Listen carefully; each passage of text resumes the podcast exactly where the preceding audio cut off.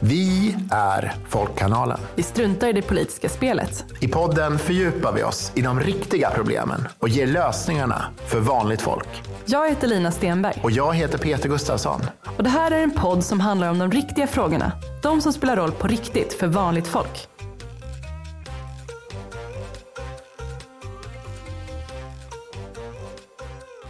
Hej och välkommen tillbaka till ett nytt avsnitt av Folkkanalen. Och idag ska vi prata om semesterrätten som vi så ofta tar så för given. Och det är jag som är Lina. Och det är jag som är Peter. Och idag ska vi prata om semestern, om den internationellt sett så långtgående semesterrätten i Sverige och hur vi har kommit hit. Men vi ska också prata om varför vi jobbar allt mer. Borde vi inte få mer semester? Ja, men Lina, vad menar du med att vi ska tacka arbetarrörelsen för semestern? Ja, men rent krasst så är det ju så här att om inte arbetarrörelsen hade kämpat för att vi skulle få semester så hade vi inte haft någon som helst semesterrätt i Sverige. Och eh, jag kan gå in på det lite, lite senare under vårt samtal, men det är en enormt stor skillnad i vad höger och vänster tycker i den här frågan och under alla de åren som då arbetarrörelsen har kämpat för att alla ska kunna få lagstadgad semester. Men eh, Sverige sticker ut internationellt. Varför har vi relativt sett så mycket mer semester än många andra länder?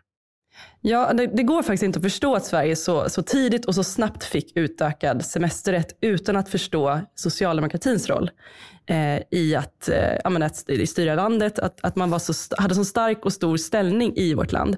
Eh, det har pågått demonstrationer och en kamp för semester sedan 1890-talet faktiskt. Eh, väldigt, väldigt viktiga eh, viktiga demonstrationer och, och, viktiga frågor för att man såg helt enkelt att um, här fanns det ingenting som reglerade hur de som ju slet ut sig mest och hade störst ansvar för liksom, sitt eget välmående. Eh, det fanns inget sätt för dem att få återhämtning, det fanns inget sätt att, ja, men att liksom justera och få mer balans i livet. Utan det låg helt på eh, ja, men hur, liksom, hur modellen såg ut i att arbetsgivaren hade liksom all, all kontroll över hur mycket tid man skulle jobba och hur ja, hur, hur, man helt enkelt bestämde över de arbetande eh, stora klasserna i Sverige. Eh, och eh, för att förstå det här just internationella så, så är det så att alltså Norden har ju en ganska liknande utveckling som Sverige. Eh, och det kan vi verkligen se att de nordiska länderna, här har vi ungefär samma typer av semesterrätt. Eh, vi har alltså 25 dagars semester, lag, lagstadgad. Eh, Medan det i väldigt många andra länder finns ja, men, en vecka. I Japan och Kanada ges tio dagar per år till exempel.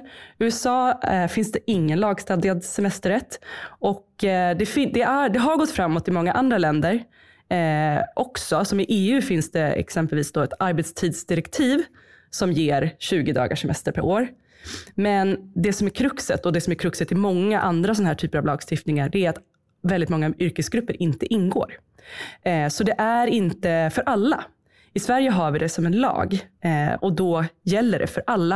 Eh, arbetsgivaren vet att det här kan man inte tumma på och för en anställda så vet man att det här är en garanti. Eh, och det är också varför man har eh, valt att göra det här genom lagstiftning. Det här är ju en liten skillnad från hur det fungerar på andra delar av eh, arbetsmarknaden i Sverige. Här, här är det ju inte parterna, utan det är lagstiftad eh, 25 dagars semester. Varför är det så? Ja, nej men det här är helt enkelt för att motståndet från högern har varit så stort och det här måste vi verkligen förstå. Eh, hade högern fått bestämma och då framförallt Moderaterna, eh, eller deras föregångare då Allmänna valmansförbundet, eh, då hade man absolut inte tillåtit någon som helst semester. Eh, som jag sa tidigare, man, alltså demonstrationerna både för arbetstidsförkortning men också då för semesterrätt, eh, det hånades Eh, det var otroligt stora, liksom, eh, vad ska man säga, raljanta diskussioner om så här, men hur ska det se ut om arbetarna ska drälla runt och supa på våra gator och eh, förstöra. Lite påminnande om hur vi pratar om liksom, det som pågår i förorter idag eh, till viss del. Eh, men väldigt liksom, nedlåtande syn på att de här arbetarna kan ju inte ta ansvar för sina egna, liksom, sina egna liv. De kommer bara supa upp alla pengar och tänka på alla stackars barn som inte kommer kunna liksom, få, få mat. Då. Men också eh, argumenten kring att men hur ska vi klara vår konkurrenskraft? Eh, I och med att ska vi då ge arbetare semester då kommer vi inte kunna ha öppet lika mycket. Och det var framför allt en fråga inom industrin. Att, ja, men hur gör vi då? Vadå? Vi kan ju inte stänga ner fabriker. Eh, de behöver ju hålla igång hela tiden. Annars blir det liksom extra kostnader i att vi ska ha dem nedstängda. Och de här diskussionerna kan vi också känna igen från diskussioner som pågår nu. Men alltså oron och menar, alltså seriositeten i motståndet var enormt stort. Eh, så att det här, det här var ju liksom, det var den ena sidan och den andra sidan var då ja, men arbetarrörelsen, de fackliga och de politiska delarna som liksom verkligen kämpade för att, ja, men principen om att varje människa ska kunna ha en balans i livet mellan, mellan arbete, fritid och vila. Eh, och det fanns en väldigt stark tro på det här, men väldigt, men väldigt, väldigt principfast. Att det här måste ju vara det som alla måste kunna eh, få ta del av. Det här är ju liksom, vad ska man säga, ojämlikhetens kärna. Att vissa då som ja, men föds rika eller liksom, ja, har, den här, har de här resurserna, de kan ju göra det här precis som de vill. Men är man då arbetare och föds eh, liksom fattigare, då har man absolut ingen kontroll över sitt eget liv. Eh, så det här, eh, det fanns faktiskt försök till att lagstifta om det här mycket tidigt, alltså redan liksom 1919 eh, och, och sen också sen i början på ja, 1920-talet. Eh, och och, och sen var det mycket, eh, mycket diskussioner hur vi skulle liksom få igenom, ja, men hur, hur ska det här kunna bli verklighet? Och faktum var att det var inte förrän 1938 som den här två veckors semestern, då, det första lagstiftade, gick igenom. Eh, och sen har vi liksom successivt fått fler veckor. Så 1951 klubbades, klubbades den tredje, eh, 1963 den fjärde och då 1976 den femte. Och den verkställdes då 1978. Så idag, eh, idag eller i år är det ju då 25 års, nej 25, 45, förlåt. Det är väldigt länge sedan den senaste semesterförlängningen eh, lagstiftades om. Och anledningen till att då de fackliga, alltså det fackliga ska man säga, kampen för ja, bättre arbetsvillkor, arbetsmiljö, eh, ja, men, att inte behöva skada sig på jobbet, att ha möjlighet att kunna jobba eh, ett helt arbetsliv och allt det där. Eh, anledningen till att, att man inte tog in den här frågan i, i liksom den kampen var ju för att om vi kollektivavtalsförhandlar kring semester eller vi förhandlar kring det, det blir, det blir dels inte en garanti för den enskilde. Eh, det blir inte heller någonting som, alltså arbetsgivaren måste ju följa det men det är inte samma tyngd i det som om du har en lagstiftning. Det måste vara en, en garanti. Och sen är det ju så att, och det ser vi ju idag, eh, 25 dagars semester har alla enligt lagstiftning. Sen är det avtal som ger ytterligare semester. Och det, så att det ska ju ses som ett golv, det som lagstiftas om. Eh, och det är samma sak då med arbetstidsfrågan. Att det här ju, det måste vara en slags garanti att vi har liksom också lagen om anställningsskydd, vi har arbetsmiljölagar. Det är ju för att vi kan helt enkelt inte bara lägga det, lämna det till parterna, för då finns det vissa risker att det faktiskt inte upprätthålls. Men många har ju både sex och till och med sju veckors semester eller liksom extra tid att ta ut sådär. Så det är ju vissa som avtalar till sig längre tid också. Precis, och det här är ju i högsta grad en klassfråga. Eh, vilket också, eh, någonstans så, så Alltså I en sån här konstruktion så finns det ju en möjlighet att göra så här och den, den risken, om man ska säga, eh, har ju funnits. Eh, och det här, det här är ju på ett sätt lite vad ska man säga, absurt i och med att ofta är det tjänstemanna jobben som har väldigt mycket mer semester, som ju kanske inte behöver det lika mycket som de som jobbar hårt med sina kroppar. Ehm, men, men precis som du säger, det är ju, det är ju möjligt och eh, eh, men å andra sidan måste man ju se det som att ofta är det ju så att förhandlar man, eh, får man kanske någon dag mer semester, eh, då kanske man inte får någonting annat. Så den, det, det, är ju ändå alltid liksom, det är vad man nu har på bordet. Jag ska säga att det fanns ju också ett, ett man ville faktiskt gå längre eh, mycket senare här. Eh, att lägga till två semesterdagar till. Men det, det gick ju bort. Det, var ju liksom, det, det fanns ju inte, tyckte man inte att man hade råd med. Men ja, det är så långt vi har kommit. Vi, vi höll, hade 27 dagar på bordet, men nu är det 25 dagar. Just det, det var väl eh, under 80-talet som alltså, den diskussionen fanns. Då pratade man om sjätte semestervecka och det fanns ett förslag från Socialdemokraterna i en valrörelse om två ytterligare semesterdagar. Sådär. Men sen har vi, ja, som du sa, på 45 år har vi inte fått några nya semesterdagar i, i lagen. Då. Eh, är det inte dags att ge svenskarna ännu mer fritid? Ja, men det är det man kan tycka. Det, det, är ju väldigt speciellt att, att det har gått så lång tid eh, sedan dess. Eh, och jag tänker att det är ju, här måste man också förstå det här med hur arbetstiden har också kämpats fram. Eh, för det går verkligen hand i hand. Ehm, vi hade ju arbetstidsförkortning, det vill säga arbetstidsreglering. Eh, det, har ju också, det har ju också lagstiftats. Eh, vi hade alltså, åtta timmars vecka redan på 20-talet för människor inom industrin och transport. Eh, men det var ju, alltid, det var ju 48 timmars vecka. Och det här är ju någonting som eh, även i de här, liksom, sen när man fick ner det och, och liksom, först fick jag så att alla fick 48 timmar och sen när man eh, började inse att fler och fler just tjänstemannaavtal liksom började gå ner till 40 timmar.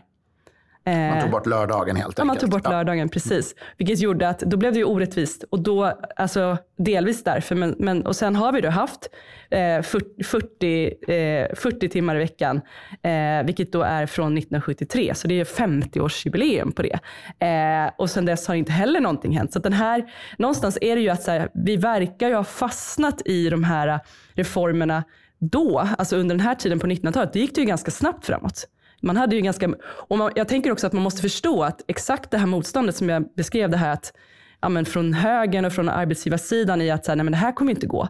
Vi kan ju inte begränsa, vi kan ju inte ha, vi kan inte ha stängt på lördagar. Alltså, det var ju samma typ av argumentation som man idag använder för att inte kunna ha arbetstidsförkortning eller mer semester. Men bevisligen gick det ju. Jag tänker på det här med just då, eh, industri när den infördes eh, och det blev liksom fem veckor stängt på sommaren.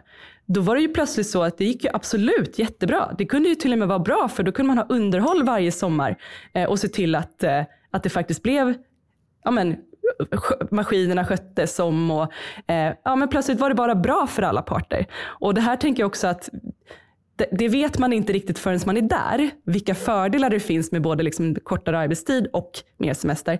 Men uppenbart är det ju så att eh, svenskarna skulle behöva mer fritid som det är nu, eh, i och med att vi, vi ser ökad ohälsa och så vidare.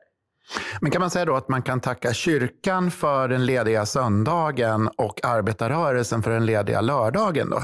Absolut, så är det verkligen. Mm. Absolut. Du kan tacka kyrkan eh, för söndagen och du kan tacka arbetarrörelsen för både fem veckors semester och eh, en ledig lördag. Så är det. Ja, då får man fira lite extra då, varje lördag. Eh, I valet 2018 då, så gick ju då Socialdemokraterna till val på att införa en familjevecka som då skulle innebära en vecka mer ledigt per år, men bara för familjer med små barn. Eh, var det ett bra förslag och vad hände egentligen med, med, med det sen? Ja, men jag tänker att på ett sätt var det ju ett bra förslag, för att det var ju egentligen det första som vi haft seriöst på bordet sen ja, 80-talet. Sen vi pratade om att vi skulle ha ytterligare mer semester. Sen ska jag bara säga att det, det som var konstruktionen var faktiskt att det var tre dagar per förälder och år. Eh, eller sex dagar för ensamstående och det var för barn mellan 4 till 16 år. Så det var en ganska, det, det, det är en rätt stor grupp eh, tänker jag ändå. Men, men eh, sen är det ju så att det är klart att det här på ett sätt hade det varit bättre, tycker jag, om det hade varit en mer generell reform. Att det kanske var just två extra semesterdagar eller till och med fem extra semesterdagar eh, för alla. Eh, det, dels så hade det faktiskt, tänker jag också, vunnit eh, bredare grupper. För någonstans var det också det, det ska jag lägga till här, att när man men, gav semesterrätt, det var ju inte bara arbetarna som tjänade på det. Det var ju också medelklassen. Eh, och det är ju det som på något sätt, jag menar, det vet vi ju, jag menar, vad socialdemokratin har eh, varit väldigt framgångsrika i de här klass, klasskoalitionsreformerna. Eh, och på ett sätt var ju familjeveckan också det i och med att ja, men det var alla familjer oavsett plånbok och så. Men jag tänker att det hade kunnat vara ännu större med ja, men semester eller prata om arbetstidsförkortning på något sätt. Um, men det som hände var ju att um, ja, under sensommaren 2022 så släppte Socialdemokraterna det här vallöftet. Uh, man förklarade det med att det var dåliga tider på gång. Uh, vi hade krig i Ukraina och uh, det, fanns inte, det kunde inte prioriteras. och på ett sätt kan jag tycka att alltså, vi behöver ju hålla den här diskussionen vid liv om att så här, hur skapar vi mer ja, men, balans? För det fanns ju faktiskt en, som sagt en väldigt tydlig grundidé kring det här med de här åtta timmar jobb, åtta timmar fritid, åtta timmar eh, med familj och vänner. Liksom. Eh, så det här fanns ju ändå, det, var, det är ändå en, en, en bra insats i att hålla det här vid liv. Och jag tänker att eh, ja, men det behöver fortsätta hållas igång, eh, den typen av samtal. Eh, så på ett sätt kan jag tycka att det är lite synd att, jag förstår att man behöver prioritera mycket saker, men det borde inte göra att den här liksom, ja, men väldigt också positivt inriktade reformen eh, ja, men den borde finnas kvar kan jag tycka. Men det är väl är det lite grann så att många sådana här reformer faller lite grann. När det kommer kristider så då blir det liksom, nej men nu måste vi ha arbetslinjen, vi måste jobba, inte jobba mindre, vi ska jobba mer. Alltså, det verkar vara ett mönster som liksom kommer tillbaka gång på gång. Ja men det är, det är ju så, alltså, jag tänker också 90-talskrisen, då var det ju också Eh, det var ju då karens, eh, ja, men karensdagen infördes. Alltså någonting blir det att nu får alla, alla får göra uppoffringar. Det finns en sån idé. Liksom. Och på ett sätt så här, kanske finns en poäng i det. Eh, men e-, ekonomiskt så har man ju råd att att prioritera en sån här sak också. Eh, jag tänker att det också, kanske just för att det är kristider, kan finnas en anledning att, ja, men att, att man får känna sig, eh, vad ska man säga, eh, att man, någon, någon håller en under armarna lite och att det ändå liksom så här, jo men det, det, vi, vi, vi, vi gör det här, vi hjälper er som, som har det tuffast just nu. Um, jag menar nu, nu tänker ju den här regeringen vill ju införa bidragstak uh, och, och, det är ju en utredning som, ska, som har tillsatts och så vidare. Det dröjer innan det blir klart men, men det är också, det är ju inte det som är eh, liksom medicinen mot svåra tider heller. Eh, så det finns någonting i att ja, det är lite kontraproduktivt att dra ner på sånt som faktiskt hjälper människor i kristider. Sen blir vi väl också mer och mer effektiva för varje år som går. Vi blir mer produktiva, jobbar snabbare och snabbare. Maskiner och så ja, ja, men så är det ju. Eh, sen det, kan man väl egentligen tänka att jag menar, om man ska mäta effektivitet så finns det ju faktiskt undersökningar som visar att de som jobbar kortare arbetstider kan vara ännu mer effektiva. Eh, att det finns en poäng med att faktiskt ha, eh, att, att, jag menar, Gör du samma jobb på sex timmar, det kan man inte göra i alla jobb, men i vissa jobb kan du det. Eh, och då kanske det skulle kunna vara värt det för att få mer fritid. Sen finns det andra anledningar till att det kan vara bra med kortare arbetstid också, som ja, många studier visar. Eh, men vi vet att exempelvis ja, mindre stress, färre så här, sömnproblem och ja, men psykisk ohälsa, men också bara känsla av att man faktiskt har tid till saker och kan som också en del av, av eh, arbetarrörelsens grundidé som ju faktiskt var att ja, men, arbetare behöver ju ha fritid för att kunna bilda sig, för att kunna vara politiskt aktiva. Alltså det hade ju inte gått att ha en politiserad arbetarklass om man så vill, om man inte hade kunnat jobba mindre. För man har helt enkelt inte tid. Eh, men också för att man ska kunna resa, uppleva saker och faktiskt ja, men kunna få utvecklas som individ, som människa. Eh, och den diskussionen har vi ju skulle jag säga, tappat ganska mycket. Eh, och det är väldigt synd för att någonstans så, det är klart att vi mår bättre om vi får känna att vi har balans i livet. Att jobb, ja absolut, är viktigt, men det är mycket annat som är viktigt också. Eh, och vi ser som sagt alltså, ökad ohälsa. Jag, jag tog fram statistik, jag kollade på Försäkringskassan Eh, tittar man på eh, stressrelaterad ohälsa eh, just nu så är den eh, rekordhög, alltså när man mäter då i, i sjukpenningtal. Eh, och bland kvinnor så är det sju gånger högre än för eh, 2010. Så det är verkligen så här, det händer något dramatiskt liksom, i det här. Och eh, det finns ju faktiskt en poäng i att se vinster där också. I att liksom, ja, vad kan vi göra för att det ska bli mindre stressigt helt enkelt för människor. En sista fråga då, för en arbetstidsfråga som ju också diskuterat som du varit lite inne på också, är ju sex timmars arbetsdag. Och då, argumenten som framförs mot det är ju då att det ska kosta väldigt mycket pengar och, och vara svårt både för företagen och staten. Men är det så kostsamt och skulle, vad skulle det få för effekt för samhället om vi hade sex timmars arbetsdag? Ja, nej men precis. Det är en jättebra fråga. Nej, men jag, jag tänker att ja, men effekten, om jag börjar där, då, då, är det ju lite som jag sagt. Jag tänker att vi vet att, att det, det skulle ge lägre ohälsa på många plan. Det finns tillräckligt många studier där man har gjort det här och, och liksom sett, alltså långtidsstudier som visar på att, att det finns väldigt mycket, att, och, väldigt mycket att tjäna för samhället men också för de anställda. Eh, men argumentet är ju eh, alltså på ett sätt ironiskt nog väldigt lika de som då hade, man hade för hundra år sedan. Det vill säga Eh, det blir alldeles för dyrt. Vad, vad händer med vår konkur konkurrenskraft? Eh, hur ska vi sätta scheman? Eh, ja, men framförallt det blir för dyrt. Och eh, jag tror att det är ju alltid så att man hittar ju sätt när man liksom går in i någonting nytt. Man, då finns det liksom möjlighet för liksom uppfinningsrikedom kring hur man löser. Och det finns ju såklart olika i olika branscher. Eh, men fabriker kan ju ha fler skift exempelvis. Det, det går ju. Eh, vi kan ha sex timmars skift och, och, och ha den rullningen och, och egentligen inom vård och omsorg också. Eh, och, sen så kanske måste man ju lösa det med, med mer personal. Liksom. Och, och det, ja, det, kan, det kan bli dyrt, men jag tänker också att det, om man slår ut det också på just eh, ja, men sjukpenningstal, eh, utbrändhet, långtidssjukskrivningar framförallt, men också då förtida pensioner.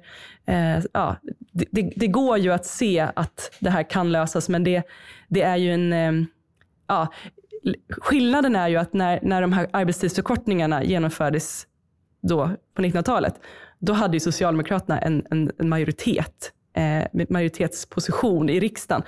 Eh, det var ganska, ja, men man fick ju igenom sina förslag. Vi har ju inte riktigt det läget eh, idag. Så att därför blir det ju också så att allt sånt här måste ju kunna bevisa sin effektivitet på ett helt annat sätt, tänker jag. Men, men samtidigt så, ja, det kommer ju förmodligen bara gå åt samma håll. Eh, mera ohälsa och eh, eh, vilket också blir väldigt dyrt. Så att på något sätt så Ja, och det är som sagt, det har gått 50 år sedan den senaste arbetstidsförkortningen och 45 år sedan den senaste semesterhöjningen. Så att det, kanske liksom, det kanske är läge att, att eh, våga, våga testa. Och, och kanske börja i vissa branscher. Så skulle man ju kunna göra. Vad spännande. Tack för ett väldigt givande samtal, Lina. Och idag har vi ju pratat om semesterrätten som vi har i väldigt stor utsträckning arbetarrörelsen att tacka för. Men också de lediga lördagarna kommer fram till att det är också något vi kan fästa lite extra och tänka på de som har gått före oss och se till att vi får ha en trevlig, eh, vilsam eller, eller festlig lördag. Um, och vi har också konstaterat att det var väldigt länge sedan sist, så att det skulle vara trevligt att få lite mer fritid. Så det är en fråga för oss att ta upp och ta vidare kampen och kämpa vidare för. Om du gillar vad du hör, tipsa andra om att lyssna. Dela och rekommendera podden. Vi finns där poddar finns. Följ oss och sätt gärna ett fint betyg. Folkkanalen finns också på sociala medier lämna en kommentar, en fråga eller varför inte ett förslag på ett ämne vi borde prata om i podden. Ha en fin vecka så hörs vi snart igen. Du har lyssnat på Folkkanalen, en podd för vanligt folk. Folkkanalen görs av Lina Stenberg och Peter Gustafsson. Och vi finns där poddar finns.